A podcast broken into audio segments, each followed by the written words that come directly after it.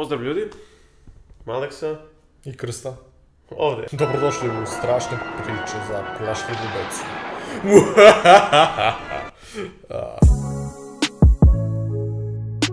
Aj prvo da počnemo od toga šta je comfort zona i šta za tebe predstavlja comfort zona. Wow, a, uh, ok, za, comfort zona za mene predstavlja nešto gde, gde je meni udobno, gde je meni dosta prijatno, kao primjer radi ovoga na garnitura i ovi jastuci. Mnogo su udobni, mnogo su mekani. Tako da, da imam izbora, ja se nikad ne bi pomerio odavde. Ono, inertan sam, baš, baš mi, baš je udobno. to je komfort zona za mene, nešto što, gde se osjećam prijatno i gde nemam potrebu da radim ništa drugo, ništa novo. Ponavljam sam, zadovoljan sam onim što imam trenutno, ne bi to menjao. okej, ok, cool. Pa dobro, to u suštini jeste komfort. Što ti kažeš, komfort, znači udobno ti je ne moraš da radiš ništa, ništa te ne tera da se pomeriš i onda jednostavno ti tako ostaneš tu. I meni se to dešavalo, znači do svoje 18. godine, znači dok nisam upisao faks u stvari, ja sam se isto tako ponašao. Znači idem iz sobu u sobu i gledam glupe YouTube klipove koji mi apsolutno ništa nisu pomogli. E. Ali sad, šta je problem tu? Pa, problem, problem je to što sam što se kaže, ne radim ništa novo, uvek radim jedno te istu, pravim neku rutinu koja mi ništa dobrog ne donosi. Ništa novog ili ti takozvanog, ajde da kažemo, da, ništa dobro mi neće doneti. Trenutku sam se osjećao dobro, ali kad prođe nedelju dana neka vidim, ok, šta sam uradio prošle nedelje, mm -hmm. jeo sam, igrao sam igrice, jeo sam, spavao sam i potprilike na tome se završi.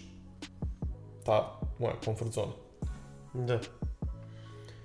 Znači tu nema nigde napretka, nema nigde učenja, nema nigde rada na sebi, nego te prokrastinacija i taj, ta udobnost te izjede malte ne.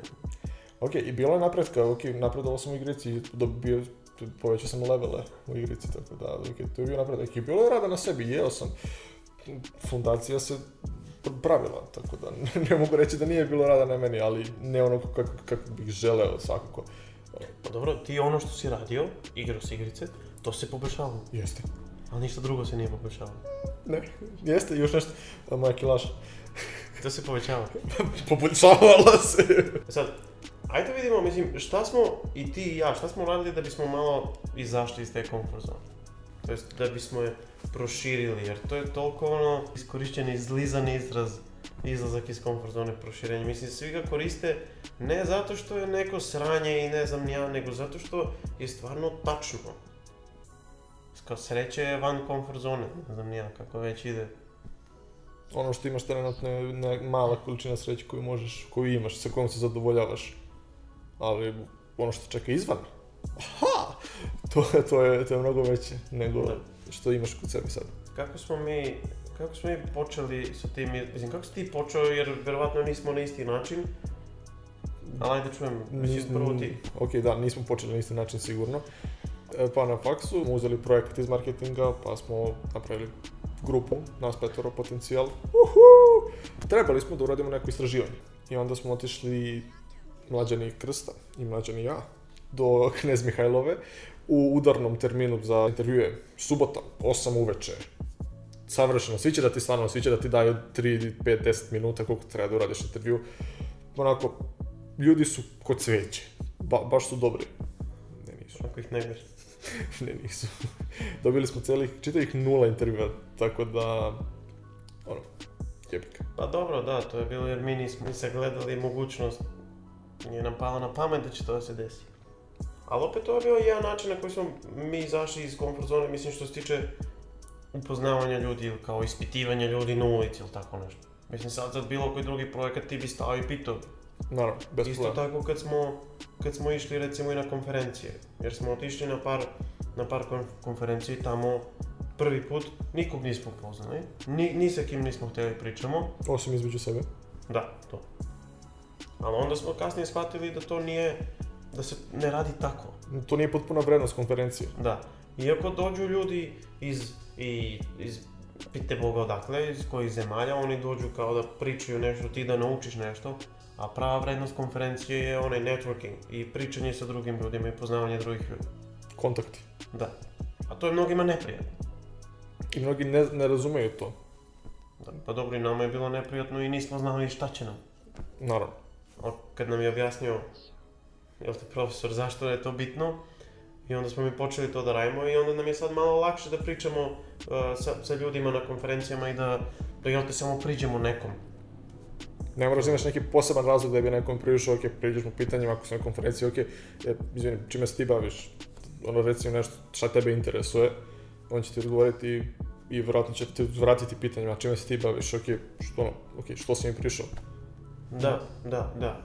Mislim, ko zna, možda on vama pomogne, možda vi njemu pomognete ili njoj.